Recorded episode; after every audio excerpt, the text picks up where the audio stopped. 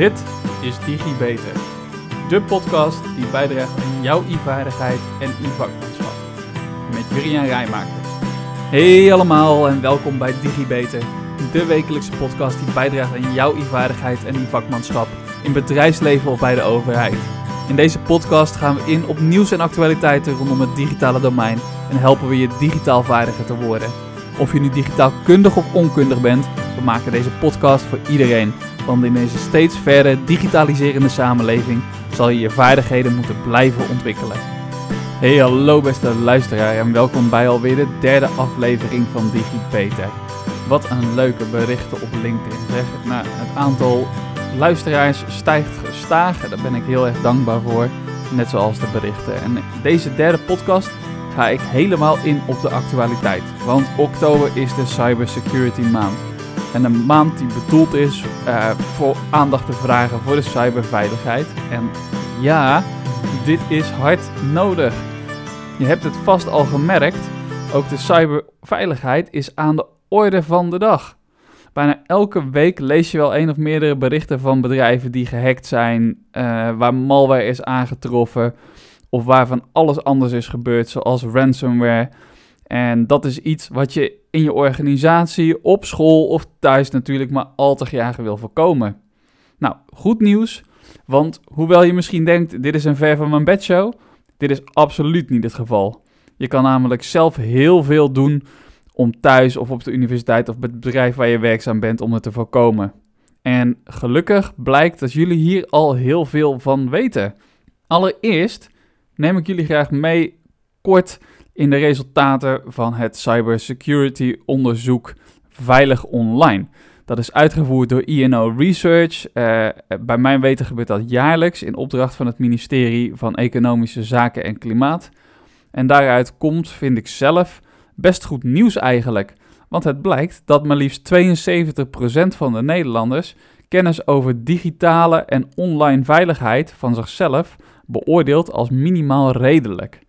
Meer dan de helft van de ondervraagden acht het zowel op werk als privé waarschijnlijk dat ze wel te maken krijgen met phishing, malware of hacking. Dus ook ransomware, die daarbij hoort, scoort uh, relatief hoog, vooral in de werksfeer. Nou, dan moet ik natuurlijk eerst even deze begrippen kort toelichten voor degenen van jullie uh, die luisteren en die deze begrippen nog niet kennen. Phishing is het vissen naar gegevens. Het doel is daarbij vaak om je geld of gevoelige gegevens afhandig te maken. Uh, denk bijvoorbeeld aan het proberen te achterhalen van je inloggegevens.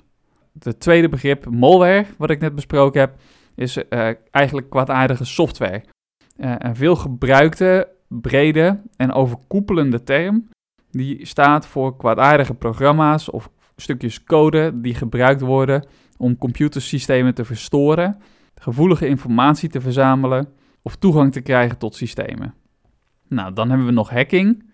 Uh, dat gebeurt vaak door een persoon, of het zijn vaak personen, die hun kennis van computers eigenlijk gebruiken om veiligheidslekken in bijvoorbeeld apparaten, software of applicaties te vinden, uh, om een probleem of uitdaging aan te pakken.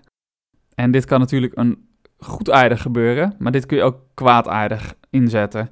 Dus goed aardig om organisaties te helpen hun IT beter te beschermen. Maar als je in het nieuws kijkt en men heeft het over hacking, staat het eigenlijk doorgaans in het negatieve daglicht en wordt het benoemd omdat het uh, slaat op het binnendringen van de systemen om op die manier schade aan te richten en gegevens te stelen. Nou, tot slot hebben we dan nog de ransomware.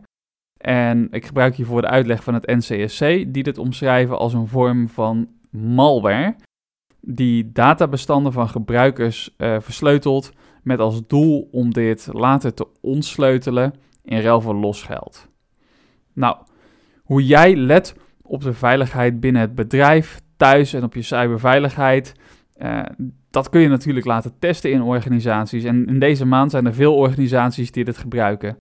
En uh, zelf heb ik wel eens uh, in een organisatie gezeten waar dit uh, niet per se in deze maand getest werd, maar meer rondom Valentijn. waarbij er een, we een testmail hebben uitgedaan met een linkje naar een nagemaakte malafide website. waar, je zogenaamd, waar de zogenaamde kaartje voor je klaar stond voor je stille liefde uit de organisatie. Nou, dat vonden natuurlijk verschrikkelijk veel medewerkers heel interessant. Uh, en wij wilden graag weten hoeveel mensen nou rukzichtloos op zo'n linkje zouden klikken. Terwijl je zoiets natuurlijk niet hoort te doen. En omdat er toch wel veel gebeurde, uh, dit uh, natuurlijk bespreken in deze podcast. we gaan door een aantal zaken heen die misschien open deuren voor je zijn. maar het blijft goed om het te behandelen, want zoals met dat mailtje, ondanks dat mensen aangeven toch heel goed bekend te zijn met phishing, uh, merkte je dat bijna de helft van de uh, deelnemers die die mail ontvingen, toch op het linkje klikte. En nee, er was geen bekende afzender, dus uh, eigenlijk was er geen reden ook om op het linkje te klikken. Nou, ik ga beginnen met de wachtwoorden. Wachtwoorden is natuurlijk iets waar iedereen mee te maken heeft. En ik heb het zelf bij een aantal bedrijven en start-ups heb ik rondgelopen. En er zijn zaken die echt regelmatig tegenkomt, die echt, echt niet kunnen. En die het echt wel onveilig maken. Ook zaken waar je soms echt niet bij stilstaat wat de impact kan zijn. Uh, waardoor je het waarschijnlijk ook uh, op die manier doet. Nou, dan zeg je natuurlijk, nou Julia, kom maar met wat uh, voorbeelden dan. En nou, het is misschien grappig, maar meer op een ironische manier. Want helaas uh, zijn er bedrijven waar ik dus geweest ben, waar mensen deze wachtwoorden gewoon op post-its schrijven. En je kan die post-its zitten soms echt op de meest vreemde plekken. Uh, van gewoon recht volop in het zicht op je monitor geplakt. Tot onder toetsborden. Uh, onder toetsenborden. Um, soms zit het in een boekje, in een, nou ja, al dan niet zwak afgesloten lade. en als je dan bijvoorbeeld bij zo'n tafel komt en je draait zo'n toetsenbord om en daar zit een leuke post-it op dat toetsenbord met het wachtwoord. Ja, je kan het zo gek niet verzinnen uh, wat, je dan, wat er dan kan gaan gebeuren. En dit is natuurlijk iets wat zeer eenvoudig te voorkomen is. En ik snap wel wat, dat mensen dit doen hoor. Uh, want ja, als ik weer kijk naar de resultaten uit het cybersecurity onderzoek van Veilig Online, blijkt dat echt Nederlanders eh, best wel barrières ervaren als het gaat om het beschermen van hun online veiligheid. Nou, ik pak daar even de applicaties en de andere tools ook bij. Um, zo wil bijvoorbeeld ongeveer 50% wilde niet betalen voor een wachtwoordmanager. Nou, je kan je voorstellen dat met een groeiend aantal wachtwoorden dat uh, misschien toch wel een handige tool is. Nou, vergelijkbaar deel vindt het ook uh, veel gedoe om voor al die apparaten en accounts een ander wachtwoord te gebruiken. Wordt ons als gebruikers ook niet altijd even gemakkelijk gemaakt. Zowel niet op het werk of op de studie uh, of thuis als particuliere gebruiker.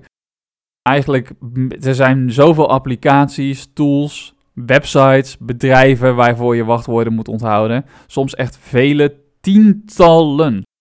Daarnaast hebben veel organisaties tegenwoordig vaak een wachtwoordbeleid, waarbij je dan ook nog eens en een sterk wachtwoord moet hebben met letters, hoofd- en kleine letters, cijfers, bijzondere tekens en dan vaak ook nog eens minimaal 8 of 10 of 12 karakters lang. Nou ja, tel daarbij op dat er dan ook in het wachtwoordbeleid vaak nog eens uitgegaan wordt dat je je wachtwoord iedere 4, 5, 6 weken moet wijzigen. Ja, dan snap ik wel dat je trucjes gaat verzinnen. Uh, maar ja, of dan die post-it onder dat toetsenbord of dat boekje in je la daarvoor de beste oplossing is. Nou, voor onder organisaties uh, is het natuurlijk goed om te beseffen uh, waardoor medewerkers dit soort grappen uit gaan halen. Uh, en om ervoor te zorgen dat medewerkers niet voor elke tool dus een los wachtwoord hoeven te hebben ga maar na dat als je naar een organisatie gaat waar je single sign-on hebt, oftewel een tool die ervoor kan zorgen dat op het moment dat jij eenmaal ingelogd bent in het besturingssysteem, zoals Windows, uh, je eigenlijk in alle onderliggende programma's geen gebruikersnaam en wachtwoord meer in hoeft te voeren. Nou, dan snap je wel dat eh, medewerkers in zo'n organisatie waarschijnlijk een stuk betere wachtwoorden hebben dan medewerkers in organisaties waar er ja, eigenlijk voor elke tool nieuwe wachtwoorden bedacht moeten worden. En dan ook nog met een hoge frequentie. Want ja, bij de een hoef je het maar één keer te onthouden, bij de ander moet je er echt tientallen onthouden. Uh, nou ja, heb je nou in een, zit je nou in een organisatie waar dit niet het geval is, als medewerker zijnde, ja, dan zou je toch eens even verder moeten kijken. Want thuis heb je ook niet zo'n single sign-on tool die je uh, helpt. En je zal er ook thuis voor moeten zorgen dat de boel veilig is. Dus ja, Het is goed om daar eens over na te denken. Want als je bekijkt naar je pincode van je bankpas, die vier cijfertjes, die ga je ook niet aan iedereen geven. En je gebruikt je pincode ook niet voor alles waar je een viercijferige code in moet voeren, toch? Nou, hoor jij nou bij de groep die niet wil betalen voor de wachtwoordmanagers? Ik zou je adviseren, gebruik er toch een, want er zijn voldoende gratis wachtwoordmanagers die best wel goed zijn. En een van de betere, naar mijn mening, daarin is LastPass.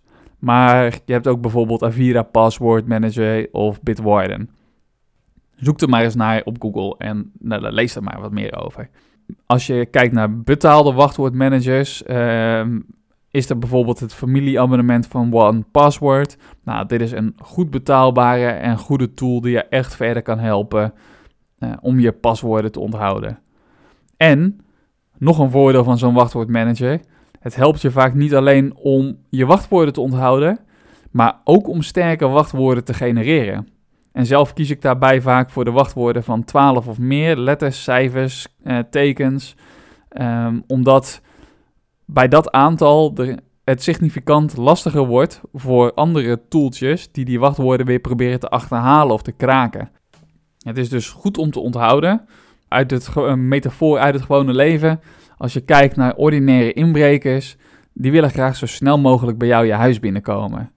Leuke zaken meenemen en dan ook zo snel mogelijk weer je huis uit zijn. Maar zolang jij jouw deur een stuk beter beveiligt dan die van je buren, links, rechts van je, verder in de straat, dan zullen ze doorgaans aan jouw huis voorbij gaan. Want ergens anders kunnen ze sneller binnen, uh, sneller die winst pakken en dan weer ook veiliger vertrekken. Het gebruik van een zo dan niet uh, gratis wachtwoordmanager kan jou dus in ieder geval helpen om te zorgen dat je al die wachtwoorden, die moeilijkere wachtwoorden kan onthouden.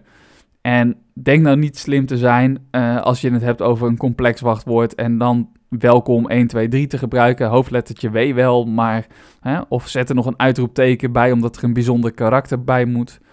Of QWERTY met een hoofdletter Q, een eentje en een uitroepteken, een punt. Of nou, noem maar op wat je erachter wil zetten aan vreemdteken. Uh, want deze wachtwoorden die zijn allemaal, liggen al lang op straat. En die zijn dus heel makkelijk uh, te, te, af te testen. Um, en denk je nou slim te zijn um, en je gaat vanaf de rechterkant naar de linkerkant van je toetsenbord. Ik moest er even over nadenken. Dan heb je P-O-I-U-I en dan bijvoorbeeld 1, 2 of 9, 8. Um, oh ja, ook die wachtwoorden die liggen op straat. Want ook dit is een trucje van een aantal mensen die denken slim te zijn. Uh, uh, dus het komt wel vaker voor. Dus ga echt voor de moeilijkere wachtwoorden en doe die in je paswoordmanager. Wat je ook kan doen is een set van meerdere woorden met elkaar verbinden um, en dan een soort van wachtwoordzin te creëren. Uh, die is natuurlijk eenvoudiger te onthouden mocht je nou echt niet aan de wachtwoordmanager willen. Ik zei het net al even kort, uh, waarom hamer ik zo op deze, uh, deze wachtwoorden? Hoe bekender de wachtwoorden zijn, hoe eenvoudiger het te kraken is. En dat noemen ze vaak een brute force aanval. En dat moet ik natuurlijk even toelichten. Brute force is letterlijk vertaald brute kracht. Uh, en criminelen gaan met die brute kracht, oftewel heel veel rekenkracht van zo'n computer, proberen ze eigenlijk wachtwoorden te kraken. Uh, en hierbij, uh, wat zo'n tool doet, is die probeert in een hele korte tijd, probeert hij zoveel mogelijk wachtwoorden, ja, probeert hij uit om het systeem binnen te komen. Uh, vaak wordt er gewerkt met een hele grote database waarin de, uh, ja, een heel aantal meest voorkomende wachtwoorden zitten. 3, 500, 1000, nou ja, noem maar op. En daarmee testen ze gewoon het account af om te kijken, komen ze erin. Uh, oftewel, als je het gaat weer, weer een metafoor erbij pakt en je kijkt naar de inbreken van vroeger... wat hij dan doet is eigenlijk, nou die wachtwoorden die op straat liggen, dat is een zeer beperkte bos met sleutels... En uh, ja, eigenlijk loopt die inbreker met die bos met sleutels rond. En hij gaat gewoon één voor één, probeert hij zo snel mogelijk die sleutels in je deur te stoppen. Uh, om bij je binnen te komen. En uiteraard uh, probeert zo'n systeem, als die jouw wachtwoord al een keer op straat ligt, probeert zo'n systeem allereerst de meest gebruikte wachtwoorden die zij al eerder van jou weten. Om die reden is hergebruik van een wachtwoord ook niet handig. Nou, stel nou, hè, je hebt toch al je wachtwoorden helemaal op orde. Uh, dan is er iets anders wat veel gebeurt in organisaties, namelijk mensen die ziek zijn of met vakantie gaan. Die, zij geven best regelmatig hun gebruikersnaam en wachtwoord door aan een collega. Nou, dan schiet je er natuurlijk weer niet heel veel mee op, want je weet niet hoe die collega omgaat met jouw gebruikersnaam en wachtwoord. En ja, het is weer een lekker open deur, maar helaas moet ik het toch wel weer even gezegd hebben, want het gebeurt echt vaak. Met enige regelmaat hoor je dan dat, zo, dat je collega ziek is en dat hij dat even de gebruikersnaam wachtwoord heeft afgegeven om te zorgen dat toch nog even de agenda bijgewerkt kan worden of uh, dat er toch nog gereageerd kan worden op e-mails uh, of om de afwezigheidsassistent heel even in te stellen. Nou ja, je kan het zo gek niet verzinnen.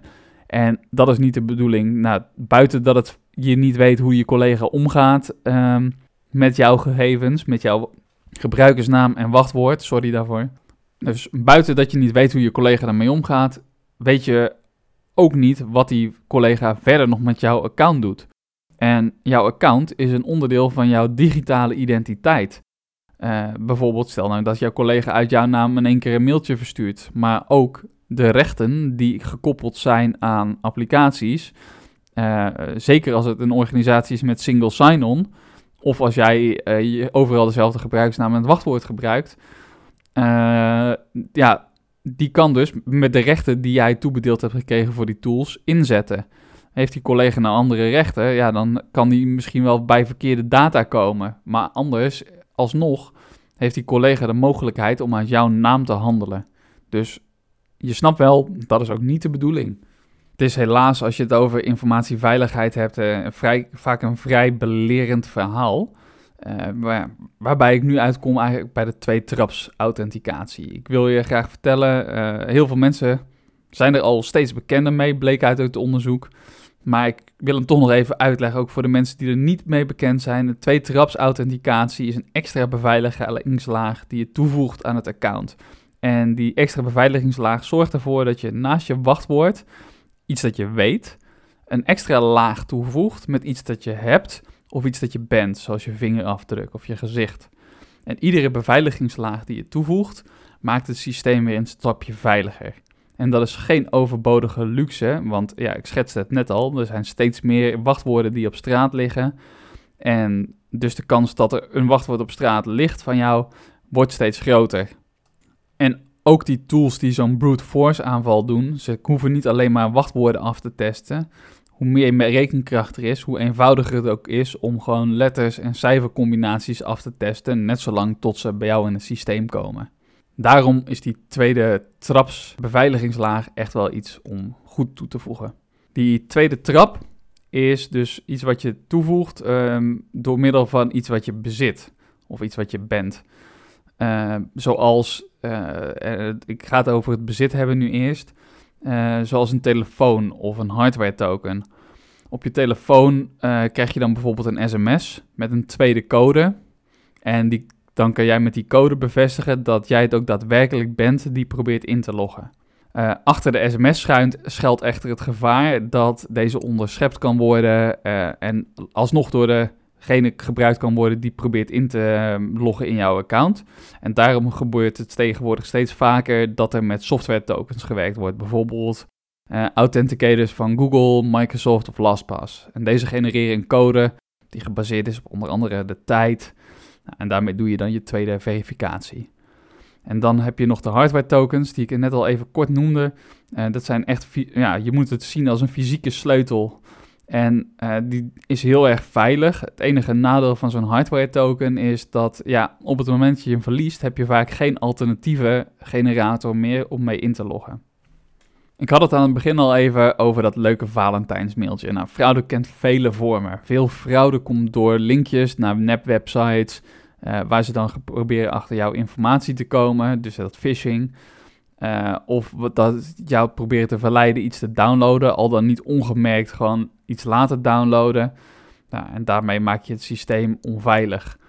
Nou, die mailtjes tegenwoordig, die zien er niet meer zo uit als de mailtjes er ooit uitzagen, waarvan we misschien nog wel de verhalen kennen van de Nigeriaanse prinsen, uh, met mails met heel veel spelfouten. Nee, tegenwoordig zijn het echt wel zeer goed lijkende mails. En het zijn niet alleen maar e-mailtjes, maar het gaat ook om appjes uh, en andere soorten berichten. Uh, maar ook bijvoorbeeld om QR-codes waarachter een website verstopt zit. En om die reden wil ik het ook even ingaan op het herkennen uh, van links naar websites. Dat je op een veilige manier naar zo'n link kan kijken. Afhankelijk van het beleid in je organisatie, als je het hebt over een berichtje, dan is het vaak het beste om gewoon het berichtje te verwijderen. Maar er zijn um, een heleboel organisaties die ook vragen van, nou ja, breng ons in ieder geval even op de hoogte of zorg voor een screenshot of stuur het mailtje of het berichtje door. Uh, dus mocht je zo'n berichtje ontvangen, zorg in ieder geval dat je IT-dienstverlener op de hoogte is. Nou, wat ik zei, ik ging het even over de linkjes hebben. Als je dan zo'n berichtje hebt en je wilt toch even kijken naar wat voor een linkje het nou is, nou ja, dan kun je er bijvoorbeeld in een e-mail vaak boven gaan hangen met je muis en dan zie je uh, pagina waardoor het door, uh, waarnaar het doorlinkt. Of op je telefoon, als je het vaak langer indrukt, uh, dan kun je het kopiëren. Zou je het kunnen plakken in een bestandje om de link te bekijken. Um, en het liefste wil je natuurlijk zien dat dat een volledig websiteadres is, want dat kun je goed controleren. je hebt heel vaak uh, tegenwoordig ook van die bit.ly-adressen of andere soorten waar het achter zit. Uh, die gebruiken organisaties om te meten waar je vandaan komt uh, of, of informatie uit een bepaalde e-mail komt. Nou ja, dus dat zijn marketingdoeleinden, maar criminelen gebruiken het ook vaak om het echte adres te verbergen. En het is dus beter om direct naar de site van zo'n organisatie te gaan dan. In plaats van dat je het bit.ly linkje gebruikt. Heb je dan toch die hele naam, let dan ook even goed op hoe de naam geschreven is. Want nou, daar zitten vaak de grapjes in. bijvoorbeeld letters die vervangen zijn door cijfers, omdat ze sterk op elkaar lijken. Denk aan de i en de 1 of de o en de 0. Ja, soms vervangen criminelen die, waardoor de naam van een website of van een e-mail kloppend lijkt, maar dat helemaal niet zo is. En kijk dan ook meteen even met een extra blik naar de verdere opbouw van zo'n e-mail. Want, uh, of van een webpagina. Want criminelen maken ook vaak de naam extra lang. als voorbeeld pak ik even de ING-bank. dit is niet per se iets wat echt bestaat. stel dat ze een websitenaam hebben ing.nl.nieuwsbrief.com. Nou, dat is natuurlijk een website die niet van de ING is, want het gaat om de laatste .com. Uh, en die telt. En op het moment dat je hier dus niet goed naar kijkt, uh, dan kun je heel sterk vergissen. En als zij dan een website heel erg mooi nagebouwd hebben, zal jij niet zien uh, dat je op een valse plek terechtkomt. Wat nog niet veranderd is, is de call to action die vaak in dit soort berichten zit of op zo'n pagina waar je naartoe gelinkt wordt. Uh, ze willen een oproep om zo snel mogelijk te handelen. Ze willen dat je zo snel mogelijk je gegevens achterlaat of iets downloadt of iets voor ze doet, uh, zodat ze het bestandje op jouw computer kunnen krijgen of zodat zij die gegevens kunnen krijgen en daar wat mee kunnen. Um, als je het dan hebt over die bestandjes, is het goed om te letten op bestandsextensies. Je, je, moet sowieso niet zomaar iets downloaden. Maar als je iets downloadt, let goed op bestandsextensies. Bepaalde gevaarlijke extensies zijn bijvoorbeeld .zip-bestanden. Uh, die zijn, uh, dat zijn bestanden waarmee uh, iets verpakt wordt. Zo'n bestandsextensie vertelt, dat moet ik natuurlijk even toelichten, die vertelt over wat voor soort bestand het gaat. En het geeft aan door wat voor soort programma iets geopend kan worden. En het staat vaak aan het eind. Je herkent het aan punt, puntje, puntje, puntje. Uh, dus de punt .zip bestanden om, uh, om iets te verpakken. .exe is een uitvoeringsbestand. Nou, een .zip wordt vaak gebruikt om een .exe in te pakken en te verbergen. zelf scan ik dit soort bestanden thuis altijd met mijn virusscanner overigens. Uh, andere bestandsextensies waar je goed op moet letten zijn .js, .ink, .wsf, .scr, .jar. Nou ja, je kan online wel vinden uh, wat voor soort extensies je echt voor moet oppassen. Uh, Google het gewoon eventjes. En denk je nou Word of Excel is veilig? ook die kunnen onveilig zijn doordat ze bijvoorbeeld macro's kunnen bevatten tip is dan ook, als je thuis niet met macro's werkt en in een organisatie niet met macro's werkt, schakel die gewoon uit. Laat ze gewoon uitschakelen. Kom je nou toch in die penibele situatie dat je iets gedownload hebt, dat er iets geïnstalleerd is en al je bestanden uh, eruit liggen, je, je, je, systeem is versleuteld, ja, dan wil je natuurlijk heel graag dat de boel gebackupt is. Uh, vroeger gebeurde dat op, uh, op tapejes en zo'n tapeje werd dan vaak elke dag gedraaid of elke week gedraaid, elke maand. En die werd door leidinggevende dan mee naar huis genomen. En dat lag dan soms weken bij iemand of maanden bij iemand. En daar kun je wel iets van vinden, daar ga ik nu niet op in. Um, maar die backup is dus wel belangrijk om te hebben. Uh, maar ja, de hoeveelheid data groeit. Dus de backups zijn tegenwoordig niet meer zomaar uh, op een tapeje te zetten. Of vaak niet meer helemaal op een tape te zetten. Um, en je ziet dus dat dat groeit naar de cloud. En daarmee is de interactie met het systeem vaak directer. Dus dat is wel ook iets om op te letten als je daar uh, mee bezig gaat. Uh, als ik hem even plat sla, zowel privé als in het bedrijf, gewoon maak regelmatig backups. Uh, maar probeer je backup ook te scheiden van je systeem. en probeer je backups ook te zorgen dat die op een andere locatie staan. En als je meerdere backups maakt, zorg dat die locaties ook gescheiden zijn. Want stel dat je nou een brand hebt, dan wil je natuurlijk niet dat je backup ook vergaat. Denk je nou, ja Juriaan, dit overkomt mij niet. Uh, daar ben ik als organisatie of als individu te klein voor, mij pakken ze niet. Nou, ik zal even een paar voorbeelden uit de recente tijd pakken die in het nieuws zijn gekomen. In juli het nieuws van Casea dat uh, die software levert aan ICT-dienstverleners. Daarin zat onbedoeld natuurlijk uh, ransomware. Uh, onlangs de grote uh, de ransomware bij de kaasleverancier van Albert Heijn, waardoor er enige tijd geen kaas in de schappen lag. Nou, dat is nog een grote. Nou, dan heb je ROC Mondriaan in Den Haag. Nou, daar lagen de systemen plat, uh, bestanden waren ontoegankelijk. Um, nou, de hack bij RTL Nederland, dus even kijken hoor, dat was 9 september.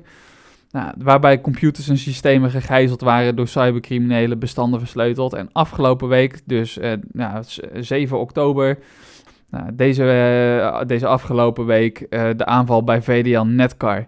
Waardoor er op uh, locaties in zowel binnen als buitenland niet of maar deels geproduceerd kan worden. Nou, je hoort het al, er zitten gewoon grote, kleine bedrijven tussen. Het kan iedereen gebeuren, ook jou als particulier.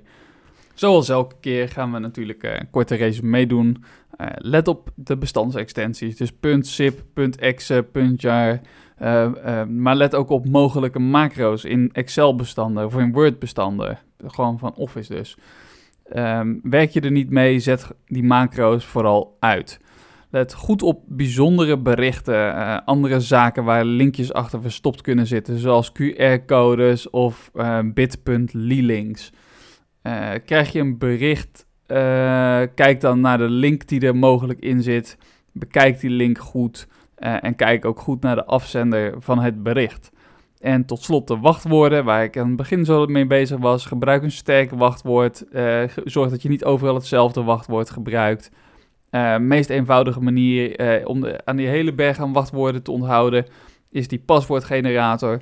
Maar wil je nou nog meer handigheidjes weten, kijk dan gewoon even op veiliginternetten.nl. Daar staan een aantal hele goede suggesties. En heb je de mogelijkheid de twee-traps authenticatie te gebruiken, schakel die dan altijd in. Oktober is de cybersecurity maand en ik vind informatiebeveiliging echt een ontzettend leuk onderwerp. En daarom, misschien de volgende podcast ga ik ook nog wel verder op dit onderwerp. Um, om het bewustzijn verder te creëren. Ik had het nog niet genoemd, maar blijf updaten. Ook met deze podcast. Blijf jezelf updaten. En als je er geen genoeg van kan krijgen, volg, like, duimpje omhoog. En deel de podcast met je collega's, vrienden, baas, ouders, opa, oma, zodat iedereen steeds beter wordt. Heb je vragen, opmerkingen, feedback? Ben jij of ken jij een specialist die hier samen met mij graag in de podcast en kennis wilt delen? Al dan niet rondom een actueel onderwerp neem dan contact met mij op via LinkedIn. Tot slot, ik hou van feedback. Uh, hoor graag van je als je vindt dat we bepaalde zaken beter kunnen podcast. Tot de volgende keer.